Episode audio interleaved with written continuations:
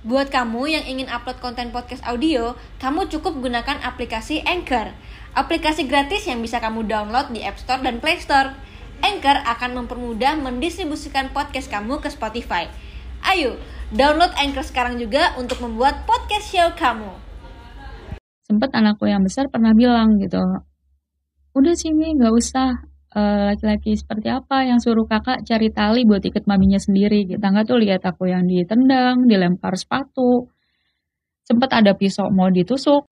Eh, halo Mbak Yulia. Halo. Aduh, Rika. ini udah email berkali-kali ya katanya ya. Dan akhirnya dari sini. Jadi hari ini kita bakal denger sharing dari Mbak Yulia. Ini ada Mbak Cahya juga selaku eh, psikolog di sini dari Female in Action. Jadi kita akan membahas tentang eh, toxic marriage ya Mbak ya, namanya. Toxic marriage. Jadi eh, kita akan mendengarkan sharing dari Mbak Yulia tentang bagaimana kehidupan pernikahannya Mm-mm. yang mungkin sekarang eh, sudah pisah atau gimana nih? Em, Kalau secara hukum belum ya, Hmm. belum divorce, Hmm. tapi udah, Udah pisah, pisah rumah. ya, udah pisah rumah.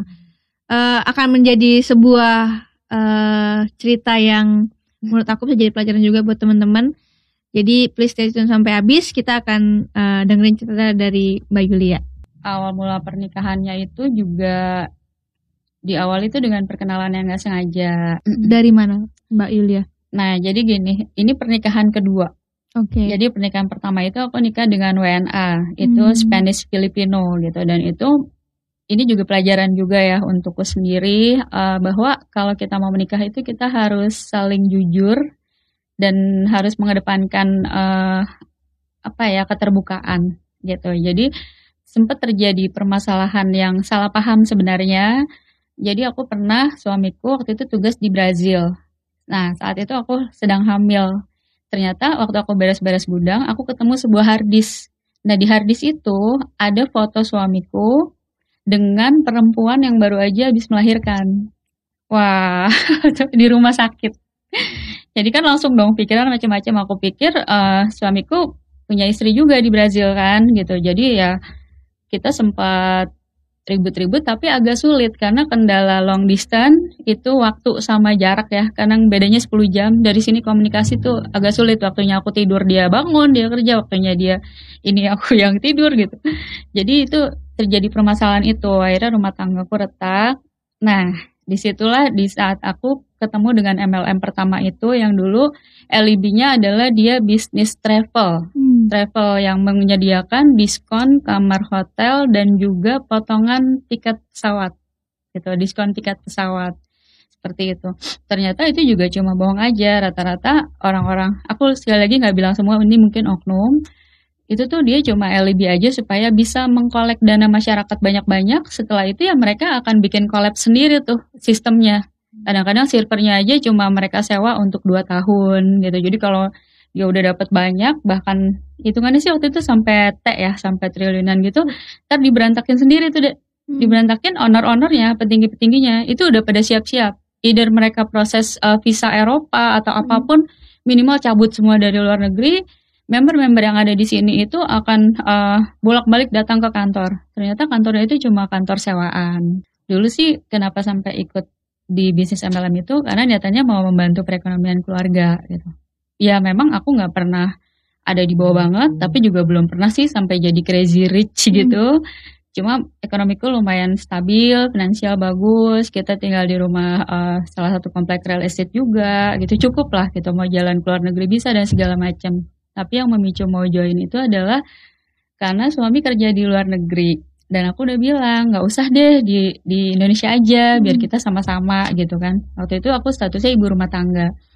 Tapi karena memang niatannya adalah biar aman biar punya tabungan untuk masa depan untuk pendidikan anak-anak ya akhirnya tetap berangkat. Nah aku mulai berpikir dong masa family harus pisah-pisahan? Gitu. Jadi deh aku bisa ngelakuin apa untuk ngebantu? Nah itu aku ditawarin bisnis MLM MLM, itu. itu pertamanya gitu. Nah aku kejebaknya waktu itu aku naif ya. Memang karena sempat juga dapat bonus dan ternyata fasilitas diskon pesawat dan juga kamar hotelnya itu berlakunya tebang pilih.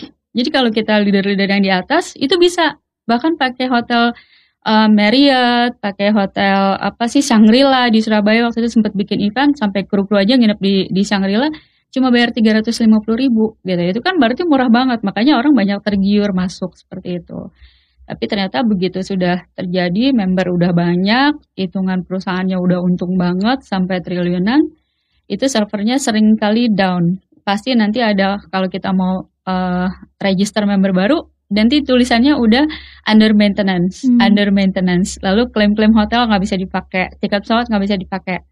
Bodohnya karena aku sangat naif, aku bikin ceritanya aku diseneng-senengin, ditunjuk gitu. Ya udah kamu buka aja jadi ke kepala cabang di Depok lah gitu. Karena aku tinggal di Depok.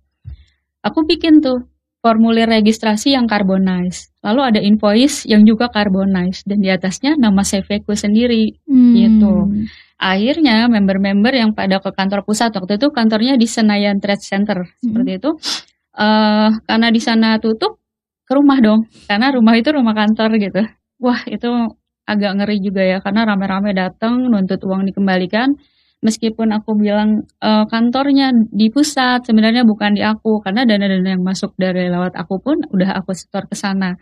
Mereka nggak peduli karena rata-rata orang-orang yang ikut join bisnis-bisnis jaringan atau MLM itu akan bilang wah gue gak kenal ownernya gue taunya lo gitu kasarnya gitu. Jadi saya taunya kamu ya kamu yang harus kembaliin. Seperti itu sih dek. Dan itu mengembalikan dana yang cukup besar dan sempat bikin chaos juga di rumah ya. Agak rame didatengin orang bikin heboh lah di komplek. Seperti Oke, itu sih. dan itu dulu sebelum menikah sama yang sebelum ha, ha, sebelum menikah ketemu di perjalanan itu. Di perjalanan itu ketemu si suami yang kedua ini uh, dia posisinya juga sama. Jadi ada problem rumah tangga juga. Bahkan istrinya sudah menikah lagi dengan WNA Amerika Army di sana dan tinggal di sana. Anaknya satu dibawa ke sana juga seperti itu. Jadi kita merasa kayak punya kesamaan. Latar belakang akhirnya dekat saling curhat dan ujungnya kami menikah gitu seperti itu. Itu udah tahun berapa?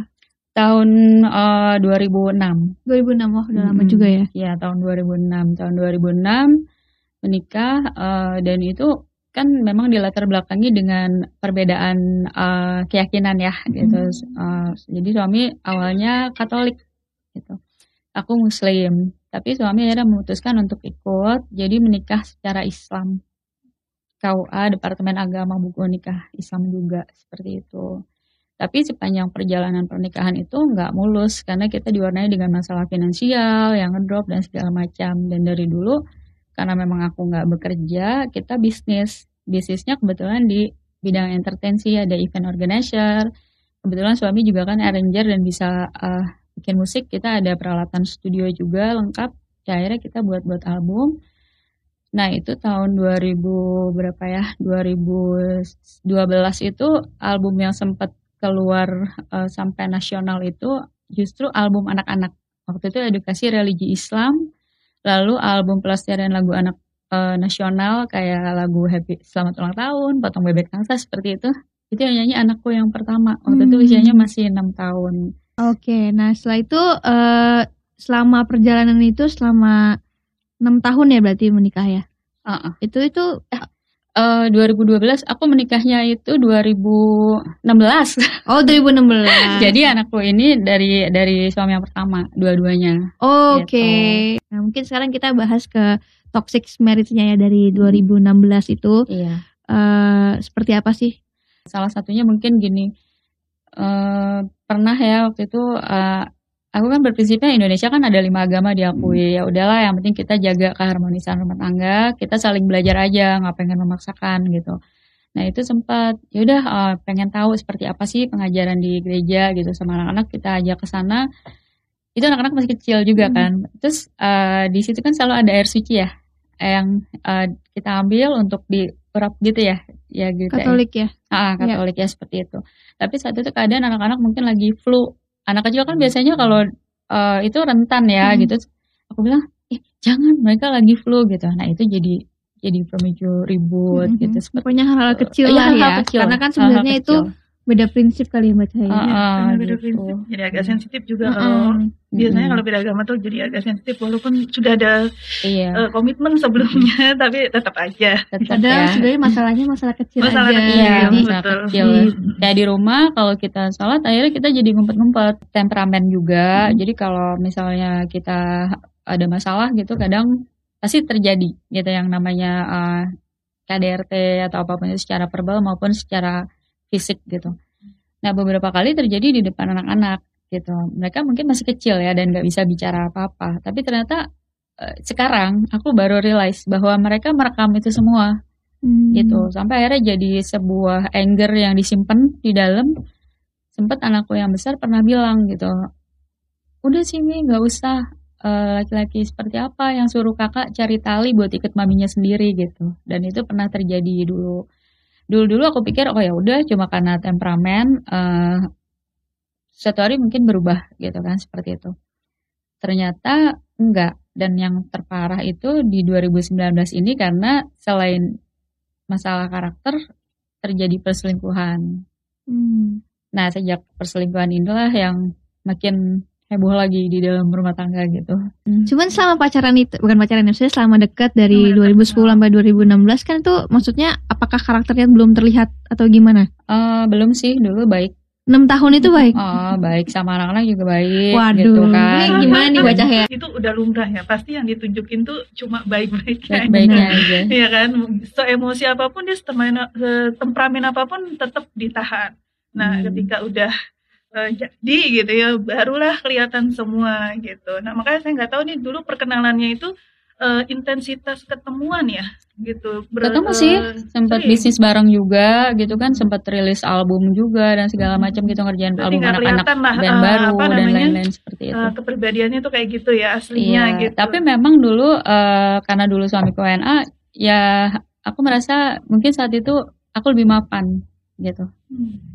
Ya, entah apa ada indikasi seperti itu juga dan segala macam begitu udah dikejar udah dapet dan dia sudah bisa menguasai semuanya jadi berubah atau gimana gitu. Nah kalau yang terjadi perselingkuhannya di 2019 ini karena kehadiran eh, ada perempuan lain itu sikapnya lebih lebih lebih Lebih menjadi-jadi. iya Sama itu juga nggak nggak nggak nggak selama deket juga nggak katan diri sama cewek lain gitu. Eh dulu enggak Jadi ada perubahan Enggak. yang memicu itu ya, Iya. yang kita belum tahu nih apa Hmm. perubahan. Jadi itu. kita sempat ada di situasi, di situasi perekonomian yang benar-benar ngedrop, Hmm. lalu sampai kehilangan rumah tinggal Hmm. 2018. Aku sempat balik ke rumah orang tua. Hmm. Nah suami nggak mau ikut. Alasannya waktu itu kan dulu pride ya, harga diri gitu. Hmm. Nggak mau dia ikut numpang. Jadi eh, suami tinggal di studio, studio recording sewaan. Eh, kita punya apa ada ruko Mhm. kan yang kita sewa untuk usaha.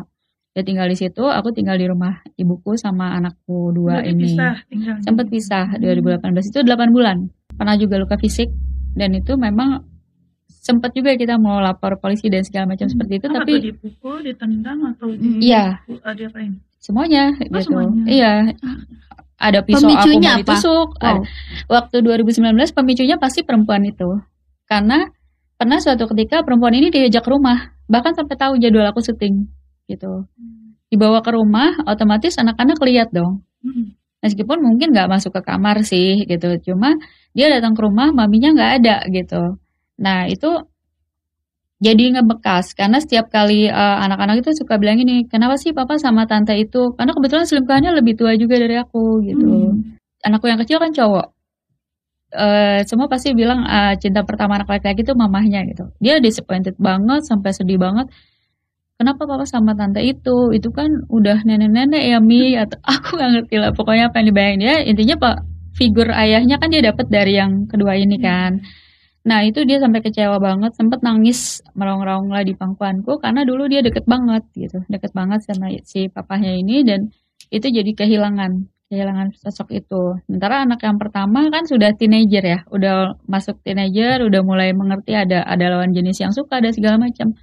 Itu sempet sampai pernah bilang e, kalau besar kakak nggak mau nikah, dia bilang gitu. Kalaupun nikah nggak harus sama laki-laki kan gitu. Wah itu aku kaget gitu waduh aku ngeri juga kan seperti iya buat apa kalau emang cuma uh, ini menikah tapi tidak dihargai komitmen pernikahannya? Dia bilang gitu. Pertama itu. Terus pernah satu ketika di di rumah siang hari sampai tetangga juga pada lihat gitu. Tetangga tuh lihat aku yang ditendang dilempar sepatu. Sempat ada pisau mau ditusuk ada gunting mau ditancap. Wah itu chaos banget. Dan siang itu ternyata tiba-tiba anakku uh, aku temuin badannya udah digores-gores semua. Pakai garpu. Jadi dia hmm. bilang ke anakku yang pertama ini yang cewek bilang uh, I watch YouTube. When someone really desperate hurting herself is gonna lessen the apa ya sakitnya gitu. Akan mengurangi tingkat depresinya. Dan itu heartbreaking banget buat aku karena ngelihat anak-anakku jadi seperti itu. Sempet aku ajak ngobrol bertiga. Aku bilang uh, uh, apa sih yang bikin kakak bahagia, ade bahagia? Jawabannya itu uh, sampai cuma berani bilang, I don't know mommy, I don't know anymore. For me, just live a simple life, even just apa makan sehari sekali cuma telur aja, and I have my own room, I can do my things. It's already happiness for me bahkan nggak berani bercita-cita tinggi lagi. Padahal dulu dia anak yang sangat nyaman berada di atas panggung. Dia uh, punya prestasi yang bagus. Sekarang keluar rumah pun nggak berani. Uh, sekarang aku baru mulai beraniin diri untuk keluar lagi. Yaitu aku coba kirim uh, email karena uh, Greta, I think I need help. My children need help gitu dan aku nggak bisa afford biaya konseling psikiater mungkin dengan cerita di sini bisa relieving gitu bisa aku mesti ngapain ya gitu apakah ini jadi jalan pembuka rezekiku berikutnya minimal aku ketemu orang dulu gitu ketemu orang aku keluar siapa tahu aku bisa dapet job-job baru dan segala macam untuk hidup lah untuk move on sama anak-anak seperti itu sih okay. wow itu oke okay. uh, ya ya yeah. pertama thank you banget ya uh. udah cerita segininya dan uh, mungkin sekarang karena Mbak Cahaya aku serahkan ke Mbak Cahaya mungkin hmm. aku juga pengen lihat nih gimana secara psikolog untuk uh, bantu Oke, paling mungkin kalau kita biasanya kalau ada satu masalah kita harus ke akarnya dulu. Yeah. Hmm. Kalau nggak ke akarnya ya susah gitu kan. Hmm. Ibaratnya kita cabut dulu akarnya, hmm. baru kita tumbuhin eh, benih-benih baru gitu kan ya. Uh, mungkin dari permasalahannya sendiri mungkin ya itu apa pernah nggak sih uh, apa namanya berdialog gitu ya dengan suami uh, sebenarnya kenapa sih misalnya harus ada perempuan lain kan hmm. itu karena kan sebenarnya toxic relationship ini bukan hanya uh, satu orang ya tapi yeah. maksudnya dua orang gitu loh yang apa berhubungan gitu jadi hmm, kalau saya bilang sih biasanya uh, dua-duanya nih ada andil nih ketika ada hubungan yang hmm. rusak gitu ya atau ada hubungan yang retak jadi nggak nggak nggak yeah. nggak mungkin cuman satu gitu jadi kalau misalnya ada yang bilang aku udah baik aku udah setia aku udah melayani dan segala macem tapi sebenarnya pasti ada satu hal yang mungkin membuat pasangannya entah ini si wanitanya atau si prianya yang merasa bahwa uh, ini ada yang tetap ada yang kurang gitu cuman hmm. mungkin dia nggak mau mengkomunikasikan itu gitu pengennya apa sih gitu dari pasangannya sehingga dia akhirnya jadi nyari yang nggak hmm. ada di diri uh, kita gitu ya di orang lain hmm. gitu kalau menurutku mungkin pemicunya uh, financial jadi masalah ekonomi keluarga kan sempat kita ngedrop sampai nggak punya apa-apa dan aku pulang ke rumah orang tua hmm. itu dia beranggapannya aku ninggalin dia saat ah, susah. Iya, makanya aku tadi udah tebak itu gitu. Sih. Dia beranggapannya aku ninggalin dia saat susah. Padahal saat itu aku pun sudah mengalah bahwa ya udah, kalaupun memang tinggal di rumah petakan nggak apa-apa. Meskipun seumur hidup amit-amit jangan pernah. Aku belum pernah memang, tapi aku hmm. mau. Tapi itu pun kita nggak bisa afford saat itu. Jadi rumah petakan ini pun harus dibayar enam bulan di muka gitu. Nggak nggak ada juga uangnya. Saat itu kontraknya lagi libur lagi off. Aku syutingnya juga lagi nggak ada. Ya mau nggak mau aku pulang ke rumah ibuku karena ibuku bilang minimal kalau di rumah mama kan uh, kalian tetap bisa makan walaupun seadanya seperti itu. Dan itu sih pemicunya. Iya, dan si perempuan ini dia kenal di bisnis MLM hmm. di bisnis MLM itu aku sudah punya komitmen. Karena pengalaman pahit yang dulu aku bilang uh, apa aku nggak mau ikut lagi kalau MLM kalau memang papa butuh bantuan secara entertainnya misalnya secara eventnya atau promo medianya atau apa segala macam mungkin aku bisa bantu. Bahkan seribu persen lah mau aku nge-MC atau apa pun aku urus kru dan lain-lain jadi stage manager pun aku bisa gitu kan. Aku mau. Tapi kalau bisnis jaringannya aku nggak mau ikut. Karena cara pikir mereka tetap gerita tetap seperti ini ah ini bisnis baru loh nanti kita ngerayu orang lalu kita ajak mereka ikut kalaupun udah masuk nantinya nggak dapet bonus ya udah yang penting gue udah dapet gitu seperti itu. Dan itu aku nggak setuju aku nggak mau kita aku nggak mau suami kejalanan hal seperti itu karena beda prinsip. Ya udah akhirnya aku bilang ya udah silakan kalau papa masih mau aku kasih kepercayaan jadi aku nggak ikutan di MLM-nya dan dia ketemu wanita itu di situ. Jadi ini uh, so sorry mungkin dia ketemu perempuan yang lebih mapan ya. Kalau lebih, tadi iya, masalahnya uh, ekonomi. Sekarang masalah ekonomi uh, perempuan ini perempuan yang lebih mapan. Iya. Terus si perempuan ini menjanjikan karena kita lagi ngedrop menjanjikan mau invest di bisnis studio recording, ngeluarin artis baru lah dari band-band indie seperti itu. Katanya mau taruh 2M di studio kita gitu. Tapi sampai detik hari ini nggak ada gitu. Berarti ini pelakuannya gitu ya, apa iya. namanya uh, di circle yang sama ya. Mm -hmm. Nah, karena emang biasanya rata-rata perselingkuhan tuh di situ. Kalau nggak di kantor ya kan, mm. di bisnis bareng yeah. atau temen bareng apa segala macam, pasti tuh modelnya tuh emang saya perhatiin gitu rata-rata yang lain tuh kayak gitu. Iya di circle yang sama, jadi keluar kota bareng. Ah, Sebenarnya aku juga bukan perempuan yang gampang cemburuan gitu. Dan banyak orang kan mulai ngasih tahu karena di hmm. circle bisnis yang sama hmm. dan di bisnis itu akhirnya juga aku pegang eventnya. Aku nge-MC juga bahkan di bisnis itu. Lama-lama ada dong yang laporan-laporan gitu. Hmm, eh kak, aku lihat suami kamu di ini di Bandung sama si ini gitu. Ini sama si ini gitu dan sering satu kamar bareng di hotel. Oh, nah, ya. itu yang buat aku akhirnya tanya. Awalnya pun aku tanya ke suami, aku nggak mungkin langsung ujuk-ujuk datang ke perempuannya kan. Ini bener nggak pak? Gini ini, selalu bilangnya enggak, hmm. enggak, enggak dan enggak dan enggak ada apa-apa gitu. Tapi akhirnya namanya istri ya dengan ada intuisi seperti itu, aku penasaran. Suatu ketika dia tidur, aku bukalah handphonenya. Meskipun hmm. susah banget tuh, handphone pakai sandi ya, pakai hmm fingerprints itu ada gitu. tanda-tanda gitu. tuh tapi sebelumnya yeah. kayak gitu juga nggak Enggak. Waktu deket gitu enggak. di kunci-kunci gitu nggak sih handphonenya? Eh sepanjang itu enggak baru kali itu. Nah, nah baru kali itu. Dulu-dulu kalaupun ada pattern locknya gitu, aku juga tahu anakku bisa buka gitu kan seperti itu. Entah kenapa tiba-tiba malam itu aku kreatif banget. Sekalian aku juga tanya anakku kan, ini gimana ya? Oh mami, you masih under the light. Dia bilang kamu lihat di bawah cahaya. Nanti kan ada tangan kita suka berminyak ya. Nanti hmm. kamu lihat patternnya, mami lihat patternnya seperti apa. Aku ikutin, hmm. benar bisa kebuka. kebuka dan kebuka. Tiba suatu malam aku jadi main detektif-detektifan. Hmm. Aku chatting lah nih perempuan gitu kan. Aku chatting seolah-olah karena aku perhatiin dengan gaya bahasa suamiku gitu. Akhirnya kebongkar semua sampai ngaku di situ pun gitu. Dengan Iya bahwa di Bandung kemarin kita berdua gimana nanti kalau Yulinanya uh, kita mesti bilang apa kayak gitu kan dan segala macam. Intinya dia kasih tahu semua si perempuan ini bukan aku suruh ngaku tapi eh masih ada nggak foto kita yang di sana gitu. Jadi Mbak Yulia chattingan sama sama ah, masih perempuan itu hmm. sampai malam itu pun dia ngirimin foto telanjang di kamar mandi. Kebayang nggak suami kamu selingkuh, hmm. kamu bahkan tahu dalaman perempuan itu seperti apa. Gimana rasanya tiap malam kamu? Dari itu berarti baru jadi terjadi keributan. Iya, itu November 2019. Yang pasti yang sekarang menyedihkan adalah aku nggak boleh ngejalanin usaha itu, hmm. aku belum ada job, dan usaha itu udah diakuin usaha miliknya dan si perempuan itu. Rukonya deket rumah, cuma 500 meter, deket rumah aku tinggal. Dan kalau aku aktivitas, anggaplah antar anak sekolah gitu atau ke tukang sayur, aku masih lewat situ.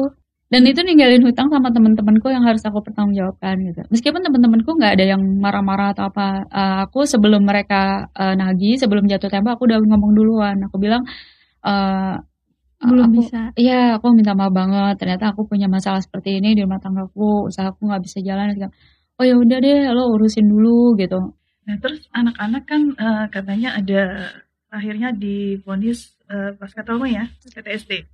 Iya, ya, nah sebenarnya bukan ponis, tapi dapat surat referensi hmm. dugaan pasca trauma hmm. KDRT. Masih, Masih ada suratnya. Hmm, Dan berbicara. itu belum belum realisasi untuk konselingnya belum. Oke, itu ketahuan, boleh, ketahuan meriksa uh, ketahuannya tuh awalnya gimana sampai uh, akhirnya diperiksa kan ya? Berarti itu sudah diperiksa tapi belum, belum di uh, belum intervensi. Di, uh, ya, ditindaklanjuti untuk yang konseling uh, bulanannya. Di sini ini semua ada lengkap. Ada dari bukti tagihan, bukti perselingkuhan, surat referensi dari LBH-nya, terus ini profil anak-anakku gitu.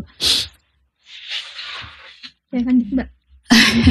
Oke, berarti eh, anak-anak udah diperiksa. Nah, itu eh, referensi harus diperiksa tuh tadinya dari siapa? Perjalanannya itu gimana? LBH. Eh, oh, dari LBH. Iya. Anak-anak tuh kalau boleh tahu eh downnya tuh sampai sampai eh, gimana sih artinya dari awal itu eh, seperti apa gitu perilaku mereka terus eh, sampai kejadian itu sampai mereka emang eh, diponis atau diberikan diagnosa eh, stres pasca trauma itu gejala itu ada gejala itu gitu. Kalau ada dia Oh, jelas ini kehilangan dua-duanya. dua-duanya. Hmm. Adiknya itu kehilangan figur. Yang cowok ya. Adik itu kehilangan figur karena tadinya dekat sama uh, suamiku ini. Terus yang kedua, dia kan sebenarnya punya channel YouTube juga, Mm-mm. Giang, Chef Cilik gitu. Sampai nggak pernah mau syuting lagi.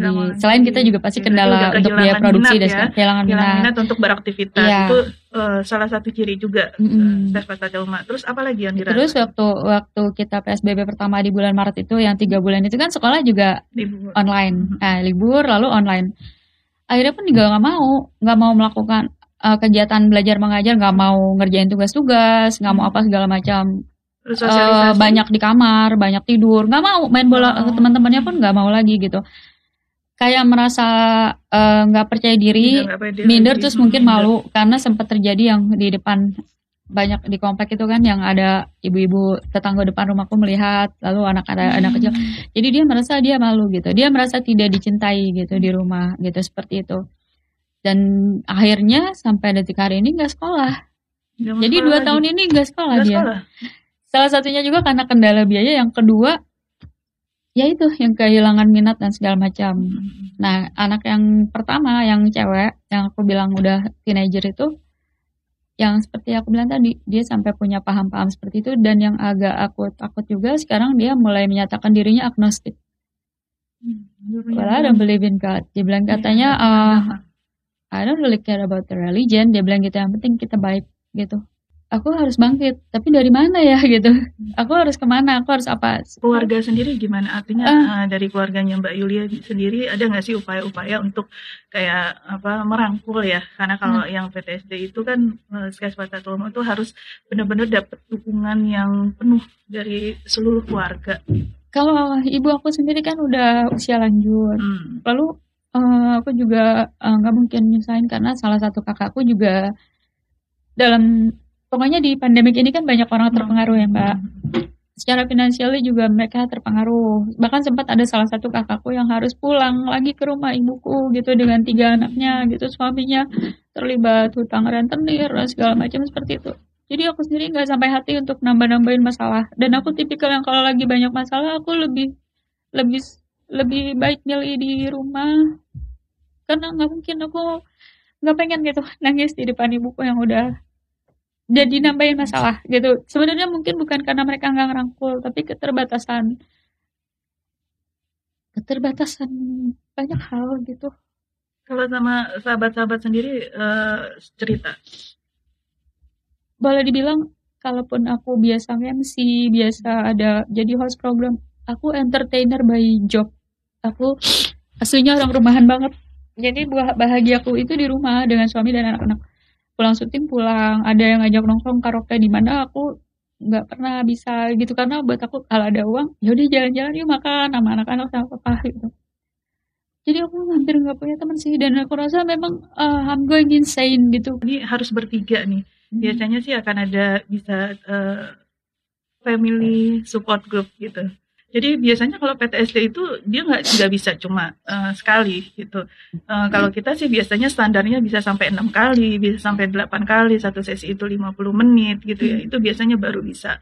Eh, kalau trauma itu ada yang bisa sembuh, ada yang eh, bisa sampai seumur hidupnya juga nggak sembuh gitu. Tergantung nanti tingkat keparahannya seperti apa. iya Mbak Yulia sendiri mungkin eh, bisa bareng-bareng juga sama anak-anak untuk apa, konsultasi atau terapi. Eh, rekomendasi dari saya ada yang eh, tidak berbayar, juga ada yang bayarannya murah. Kayak di puskesmas itu kalau nggak salah hanya bayar 5.000, terus juga pelayanannya nggak pokoknya nggak sampai seratus ribu lah kalau nggak salah gitu gitu kalau memang kendalanya uh, biaya ya karena kalau di rumah sakit kan memang sekali datang itu tiga ratus lima puluh ribu lima ratus ribu tujuh ratus ribu itu saya tahu banget gitu loh. Iya dan dan ini juga yang menjadi uh, apa ya uh, dilema untuk saya sendiri sih. Kadang-kadang nggak punya biaya gitu hmm. nggak percaya gitu. Dan aku sendiri juga nggak pengen yang akhirnya jadi terkesan mau keluar so termehek-mehek dengan cerita yang ini. Terus baju lo masih bagus ini masih bagus. Cuma iya gue nggak punya duit bukan nggak punya baju kan gitu. Meskipun aku ada yang aku usaha untuk dilelang atau apa segala macam bahkan sampai perabotan rumah tangga pun aku foto-fotoin itu untuk apakah aku bisa jual biar aku bisa move on bisa mulai hidup yang baru entah di mana lagi itu segala macam. Itu sih yang jadi kendala dan kadang-kadang nah, um, Mbak Yulia sendiri sebenarnya sih gak akan bisa move on sebelum masalah dengan suami. Ini kan berarti mm. belum bisa ya? Mm. itu belum selesai. Akan akan sulit untuk fokus konsentrasi mau uh, healing gitu ya nyembuhin anak-anak dan diri sendiri itu akan sulit. Jadi kalau dari saya biasanya Mbak Yulia harus harus tahu dulu nih ini hubungan mau dibawa ke mana? Berarti sekarang gantung kan ya? Iya. Bisa dibilang kan gantung dan gak dan akan sulit nih. Kalau Mbak Yulia sendiri mau move on tapi yang ini kan belum selesai. Jadi kalau kita mau move on harus selesaikan dulu yang ini hmm. seperti apa. Dan Mbak Yulia sendiri kan uh, mungkin bisa apa ya uh, bertanya ya refleksi diri sendiri sebenarnya ini mau seperti apa? Kan gitu. Apakah memang mau diteruskan mau bertahan atau diperbaiki gitu ya nah itu dulu sebenarnya yang harus selesaikan baru Mbak Yulia bisa fokus gitu untuk mau move on, mau buka usaha, mau kerja lagi gitu ya. Terus hmm. nanti dari situ baru bisa biayain anak-anak buat uh, apa namanya healing gitu ya untuk menyembuhkan. Kemudian baru nanti setelah itu mereka bisa meneruskan pendidikan gitu. Sebenarnya kalau pendidikan kita nggak perlu khawatir karena kan akan ada kejar paket ya walaupun hmm. setahun, dua tahun, tiga tahun itu masih bisa dikejar pendidikan. Tapi kalau mental makin lama Nah, itu akan semakin berbahaya gitu sih. Nggak akan bisa jalan lah intinya kalau uh, permasalahan yang ini ya, yang dengan suami ini belum diselesaikan. Oke, berarti kalau aku sampai first thing first yang harus Mbak Yudi lakukan ini untuk menyelesaikan masalah dulu dengan suami ya. Masalah dulu diselesaikan. Itu kan akarnya. Mm -hmm. Itu akarnya dari semua permasalahan ya. Artinya anak sampai uh, apa diberikan diagnosa PTSD gitu ya. Terus juga Mbak Yulianya juga sendiri down gitu. Meskipun saya lihat uh, kayaknya Mbak Yulia ini kita lihat uh, di, dari luar seperti ini ya. Tapi itu kalau dari matanya itu kelihatan banget menanggung uh, banyak beban gitu ya. Nah itu sih first yang harus diselesaikan adalah uh, dengan hubungan yang sudah seperti ini nih gimana gitu loh penyelesaiannya gitu kan Mbak Yulia sendiri semuanya kan kembali ke Mbak Yulia seperti apa gitu. Baru setelah itu menata hidup baru bisa tuh biasanya. Hmm, baru kan udah tenang nih. Kalau sekarang kan belum jelas gitu kan seperti apa. Ya mungkin salah satunya saran seperti ini yang aku perlu juga. Memang itu berat karena kalau ditanya di dalam hatiku sendiri ya pasti berharap uh, rumah tangga ini berhasil, hmm. tidak gagal lagi ya, karena uh, ini yang kedua ya rasanya ke orang tua tuh gimana gitu? Kalau harus gagal lagi kan udah aku yang pilih gitu. Aku pengen buktiin bahwa aku bisa komi gitu. Tapi ternyata yang nggak tahu kalau emang nggak bisa ya mau bilang apa kan gitu. Tapi kalau sayang pasti sayang. Maksudnya dulu tuh nikah apakah karena cuma gara-gara ada kesamaan nasib ya? Gitu maksudnya mm. uh, ya kan ya yang kedua ya sama-sama mm. yang kedua ya. Mm. atau uh, ya udah jalan gitu karena ada nasib jadi nggak ada perasaan yang apa ya fondasi yang kuat gitu loh. Maksudnya kalau suatu hubungan itu kan kalau udah cinta ibaratnya gitu ya nah ke sananya tuh tinggal ngerawat ngejaga gitu. Hmm. Mbak Yulia sendiri dulu tuh gimana sih awalnya? Maksudnya uh, ya udah berjalan aja gitu ya tam mungkin tanpa ada perasaan yang terlalu dalam. kuat gitu ya yang terlalu dalam gitu. Karena itu juga salah satu kondisi juga dalam sebuah hubungan gitu kan Ya mungkin itu good question ya. Aku nggak bisa jawab juga. Cuma memang seiring jalan pasti kita sayang, kita uh, okay, mencintai sayang. ya karena uh, udah seperti family gimana sih keluarga ya. Hmm. Itu mungkin juga punya kakak atau siapa. Kalaupun udah keluarga, meskipun berantem kan kita tetap sayang hmm. seperti itu. Kemarin ada cerita juga kan masih masih pernah pulang ya? Pernah, uh, pernah. Dan kalau memang ke anak-anak sih dia juga kelihatannya masih peduli gitu, oh. masih masih uh, care gitu. Kadang-kadang suka tanya pengen apa gitu ke kakak atau ke Hmm. adik seperti itu.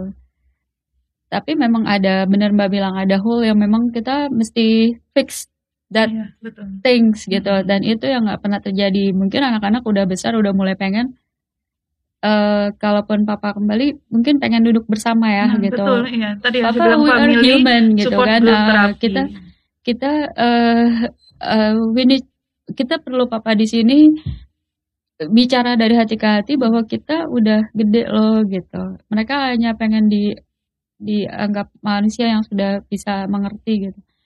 Sebenarnya dia cuma pengen can papa be a gentleman gitu. Jadi kalaupun salah ya udah minta maaf. Terus kita ke depan yuk sama-sama yang baik atau apa. Oke, Dan berarti pembicaraan. masih mau memperbaiki Iya, pembicaraan itu yang ya, tidak walaupun pernah sudah eh, ya retak gitu ya. Ah, pembicaraan itu yang nggak pernah terjadi seperti itu sih. nggak mau gagal lagi. Nah ini jadi Betul, pelajaran juga ya. Maksudnya Mbak Yulia nih mau masih mau bertahan meskipun tadi ya ngelihat apa namanya foto. Iya. Aduh. Malah pernah, aku pernah. kalau- Pernah ada gini, Mami Yani tahu juga ya. eh, dia bilang bilang gini, Mami si ibu SS ini eh, dia hebat loh, dia master leader di bisnis ini.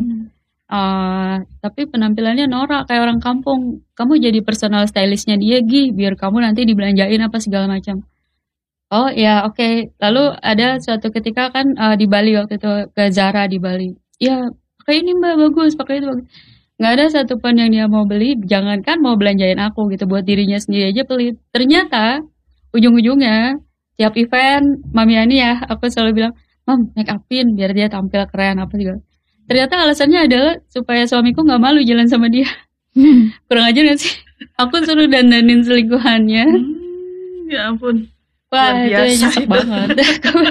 gue suruh dandanin supaya nggak malu.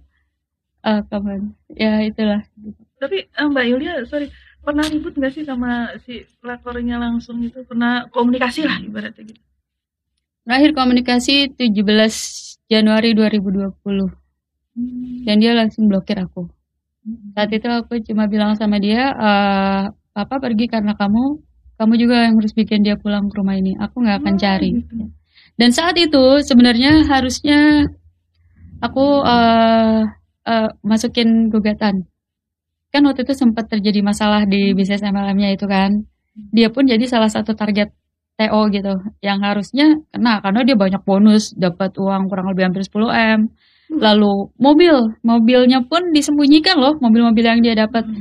Tapi aku nggak ngerti gimana caranya dia nggak masuk. Ya entah ya apa, ada apa, ada apa. Aku nggak tahu lah. Aku nggak pengen salah ngomong.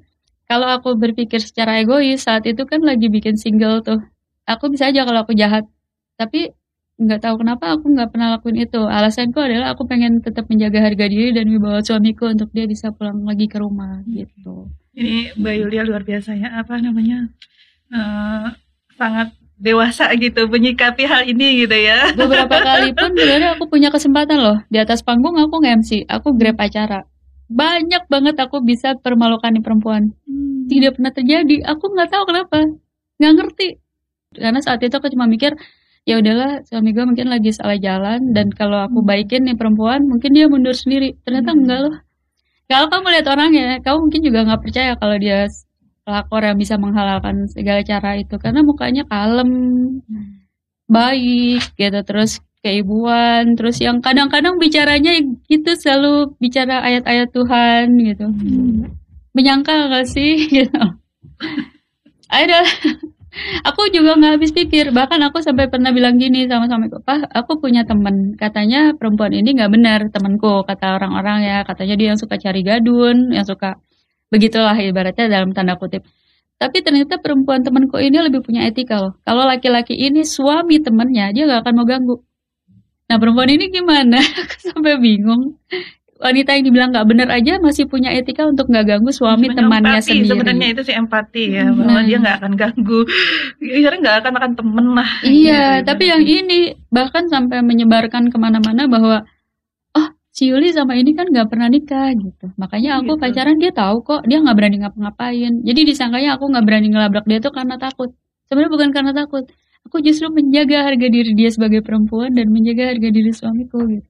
Luar biasa nih itu nih nggak tahu pelajaran. nggak tahu luar biasa atau aku ngerti nih mbak dari dari pandangan psikolog? Ini kan kita tadi kan live live apa ya namanya? Live, live konsultasi ya?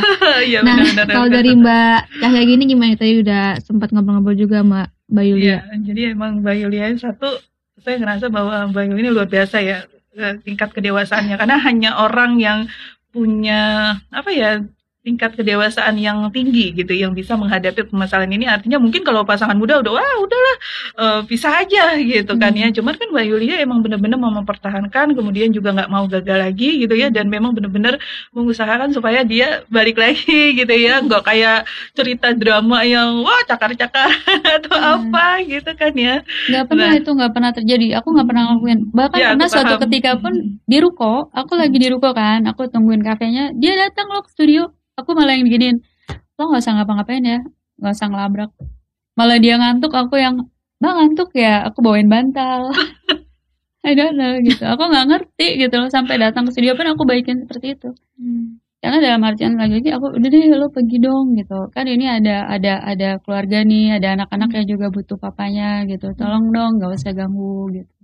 Tapi nggak terjadi sih. Aku nggak tahu kenapa apa yang dipikirin perempuan itu aku nggak tahu Tapi suami sendiri gimana sih eh, terakhir itu komunikasi seperti apa? Artinya maksudnya eh, masih baik-baikkah komunikasinya atau emang udah? eh terakhir sempat komunikasi dia setiap kali komunikasi itu selalu tetap bilang dia cinta dan sayang sama kita sama Hmm. family-nya di sini makanya dia nggak pernah mau keluar dari ruko itu gitu ibaratnya nggak pernah kalaupun di ojok-ojok sama nih perempuan udah pindah aja ke dekat rumahnya Hmm. dia lah di daerahnya itu nggak pernah mau karena Hmm. sama nih perempuan memang ternyata hanya dijanjiin sekedar bisnis tapi mungkin terlanjur dijalanin yang perempuan juga nggak mau ditinggal gitu. Tapi pernah udah satu ketika aku sempat bilang gini ya udah apa nikahin aku kan secara Islam. Poligami aja aku bilang gitu. Aku nggak tahu lah ya intinya gitu. Tapi jangan saling ganggu. Dia entertain tetap sama aku. Jangan jajah juga dia jangan dibawa sini kamu mau MLM sama nih perempuan di luar aja gitu jangan dibawa pulang. Waduh. Aku coba bilang gitu. Berat ya. tapi nggak mau juga. Aku nggak ngerti kenapa gitu. Nggak tahu aku keren atau bodoh atau aku kenapa aku nggak tahu gitu. Saat itu juga aku cuma merasa ada banyak hal yang harus kita beresin Iya. sama-sama gitu. Anggaplah kita gandengan tangan lagi rezeki kita cari bareng gitu. Nggak perlu kan katanya percaya Tuhan. Kan nggak mungkin nggak harus cuma dari perempuan ini aja dong ngarepin 2 m gitu. Memang keadaan lagi pandemik lagi sulit. Ya kita cari sama-sama aja gitu di luar.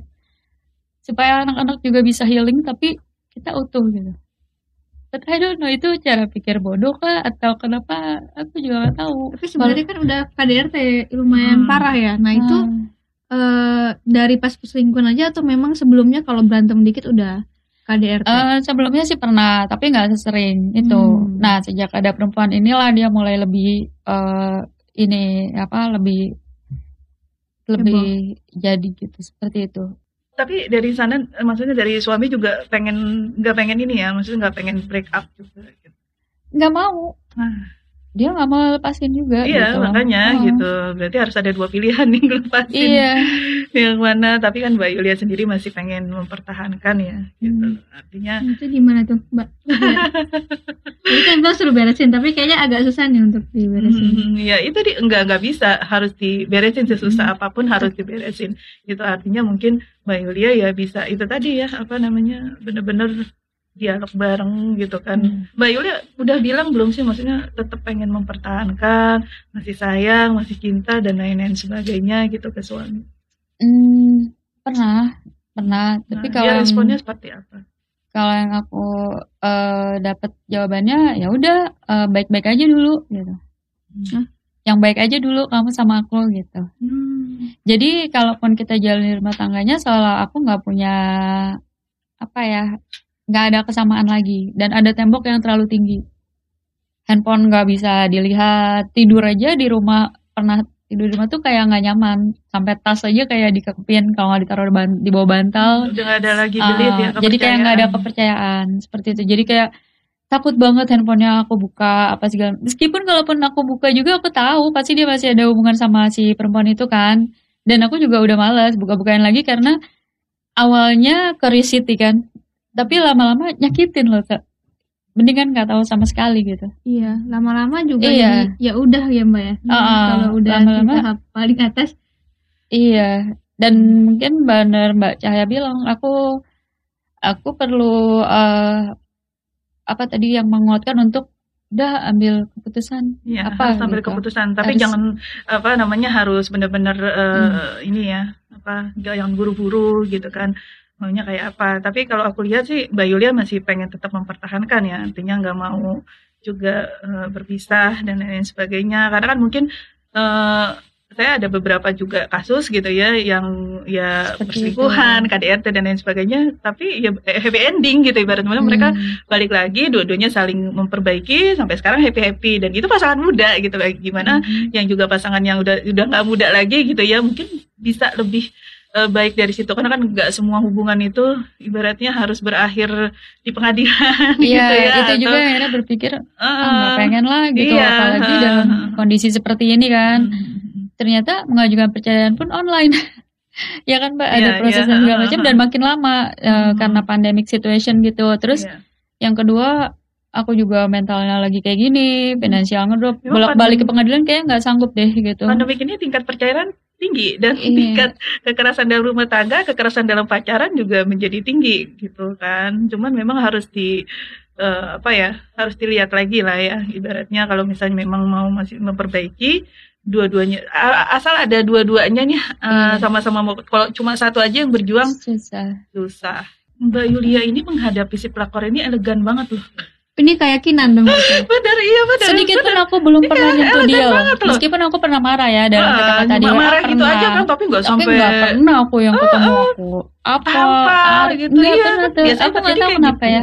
Entah aku yang elegan, aku bodoh, atau aku dijagain Tuhan gitu untuk nggak melakukan hal-hal seperti itu gitu. karena Udahlah sedikit-sedikit usah. sekarang akan gitu. ada laporan dia bisa ditangkap ah, ke polisi nah, itu atau juga dia yang- juga Yang sulit. eh, apa ngejebak juga bisa aja katanya kayak gitu. malah justru kalau kita melakukan hal, hal seperti itu, nah itu tuh mbak, justru kita makin ibaratnya apa ya, Tak? udah jatuh ketimpa tangga lagi gitu. Justru kita yang dilaporin, kita yang Iya, dilaporin. Dan aku berpikir jauhnya, waduh kalau aku sampai kenapa-napa masuk amit-amit ya, anak-anakku sama siapa? Orang-orang yang lama itu rata-rata semua suruh blokir aku. Iya, apalagi di kalangan MLM itu yang ada si perempuan itu, udah si Yuli itu sakit jiwa, nggak usah diladenin, Hmm. gitu ngomongnya. Iya kalau aku mau balikin lagi, ya mungkin iya kali ya aku sakit jiwa. Tapi lo nggak ngerasa ya, gue sakit jiwa karena lo bukan sih gitu. Itu sih dan bukan berarti aku mau menggede-gedein masalah ini. Justru aku pengen sembuh. Ya udah, gimana sih caranya? Tolongin deh biar aku on track, biar aku bisa balik, biar kalau balik hidup normal itu sangat sulit, minimal aku bisa menerima keadaan ini biar lebih lapang gitu. mindfulness sih. namanya jadi Iya. menerima semuanya Hmm. eh, membiarkan semuanya terjadi tapi kemudian habis itu harus bangkit lagi gitu kan itu sih Iya tapi yang itu tadi ya balik ya Ah. tetap intinya Mbak Yulia harus eh, memperjelas Hmm. si akar ini tadi mau dicabut atau mau di apa ya dirawat lah gitu. Di- ini kan akar suami Hmm.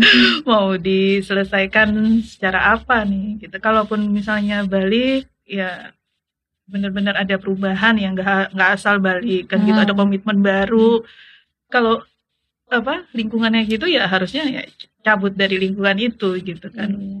punya situasi dan lingkungan yang baru. Kalau enggak nanti ya bisa aja kan, maksudnya itu perempuan datang lagi atau ya dari mana sudut mana aja lah yang akan uh, bisa men-trigger terjadi kembali gitu. Kalau aku lihat sih mungkin kalau dari cerita yang Yulia ya si suami ini di, sendiri juga mungkin pada saat itu ya Mbak ya waktu ditinggalin mungkin ada perasaan Iya. oh apa lebih susah ditinggalin mungkin ya. Sebenarnya aku nggak ninggalin ya dia di studio pun aku hampir setiap hari juga ke Hmm. studio bolak-balik cuma nggak tinggal satu rumah aja Iya. gitu. Kadang-kadang juga nginep di studio atau apa gitu seperti Hmm. itu gitu. Cuma ya nggak tahu kita ya. tapi Orang iya kan balik lagi kita nggak tahu kan eh, di beda-beda. pikiran suami itu apa ya mungkin rasanya tapi kan tidur malam sendiri misalnya Ya gitu dan mungkin aku juga dulu pernah mungkin namanya ah, ah, kita suami istri ada masalah finansial mungkin kita ribut masalah itu juga ya ya kalau mbak bilang mungkin ya. salah berdua ya mungkin ada tapi aku bilang "Ya udah kita perbaiki sama-sama Hmm. tapi mbak benar juga sih kalau yang mau cuma satu orang kan nggak yang berjuang satu orang satu hubung- eh, hubungan itu kan hubungan gitu kan harus dua gitu Iya. kalau satu doang yang berjuang nggak akan eh, Hmm. jalan ibaratnya gitu paling kalau dari aku sih itu ya eh, apa namanya harus diselesaikan dulu lah masalah itu baru Mbak Yulia bisa tenang, Mm-mm. ya kan, mindful, bisa menerima, kemudian baru bisa jalan bangkit. Insya Allah mudah-mudahan ada di- dari situ nanti eh, terbuka ya semua rezeki anak-anak bisa sekolah Amin, lagi dan lain-lain sebagainya gitu. Itu juga bisa salah satu penghambat rezeki tuh soalnya tuh kalau rumah tangga Iya.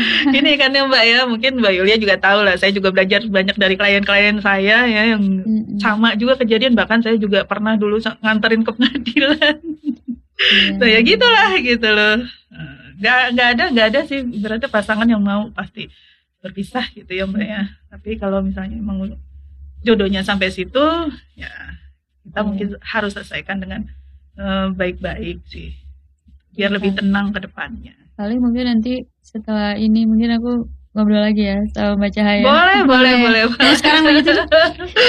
boleh boleh boleh boleh boleh Ini kan baru eh, konsultasi awal. Nanti kalau mau konsultasi berikutnya bisa sama Mbak Cahaya langsung juga.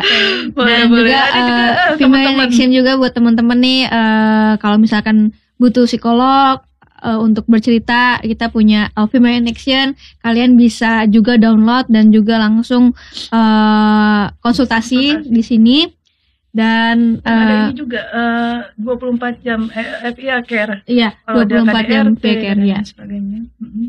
ya jadi eh, bisa juga pokoknya download aja nanti kalian bisa tahu semua dan jangan lupa follow female in action di Instagram oke anyway thank you banget ya eh, Mbak Yulia sudah juga. mampir dan juga Ita. bercerita. Bisa kasih sharing ke teman-teman di mana nonton. Thank you Mbak Cahya. Oke. Kita kapan-kapan live konsultasi lagi Boleh, ya. gini. boleh, boleh, Jadi boleh. ini juga senang aku hari ini ada Mbak Cahya. Jadi Mhm. teman-teman di rumah juga bisa belajar gimana kalau eh, misalkan eh, dari pandangan psikolog juga. Mhm. Oke. Eh, sampai ketemu di video berikutnya. Nonton sampai habis ya. Makasih ya. Jangan lupa follow Instagram aku di sini dan nonton video lainnya di sini.